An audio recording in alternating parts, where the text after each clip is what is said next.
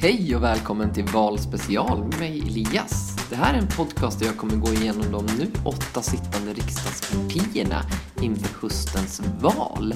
Det kommer bli ett parti per avsnitt och vi tar dem i storleksordning utifrån hur många röster de fick från förra valet.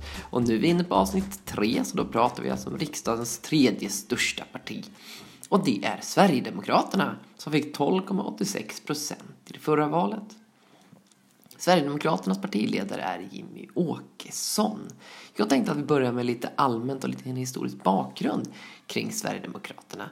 Partiet grundades 1988, så alltså det är ett ganska nytt parti. Och det är också det parti som senast kom in i riksdagen. Sverigedemokraterna är ett nationalistiskt och socialkonservativt politiskt parti. Det betyder att de är traditionalister i den meningen att de stödjer den traditionella kärnfamiljen och social stabilitet. Eh, man är därför ofta liksom inriktad på att man tror att eh, grundfamiljen är en kärnfamilj och det, det bästa för barnets stabila och trygga miljö det är att man har en mamma, en pappa och ett barn. Man har inte en mamma, en mamma och ett barn eller en pappa, en pappa och ett barn eller mamma och ett barn. Utan det är kärnfamiljen och där är man traditionella. Man är också lite mer nationalkonservativa och man är förespråkare av en mycket begränsad invandring och man vill gärna stifta lagar inom, eh, alltså mycket lag, alltså hårda lagförslag inom området lag och ordning.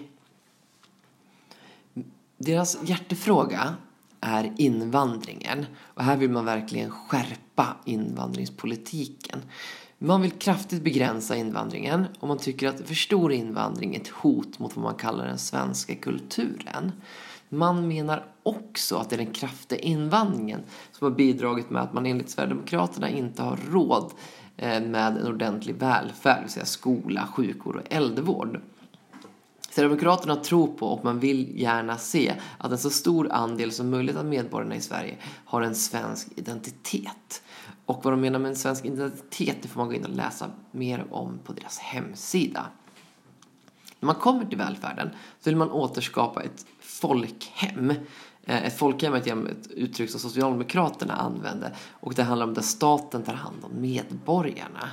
Eh, samtidigt så vill man göra det enklare att avskeda folk och man vill sänka skatterna väldigt mycket.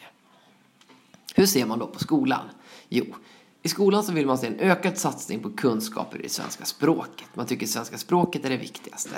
Man vill ha en klar handlingsplan för ordning och reda och det ska vara studiero i klassrummen.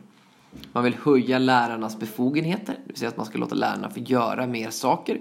Och man vill ha, höja lärarnas yrkesstatus. Man vill också återförstatliga alla friskolor och kommunala skolor. Det ska alltså vara staten som styr skolorna. Och man har stora skärpta krav på friskolor. Några kända svenska, eh, några kända svenska, några kända Sverigedemokrater. Det är Jimmy Åkesson som har varit partiledare väldigt, väldigt länge. Mattias Karlsson som är vice partiledare och Björn Söder som exempel är riksdagens andra vice talesman. Demokraternas partisymbol är en blåklocka.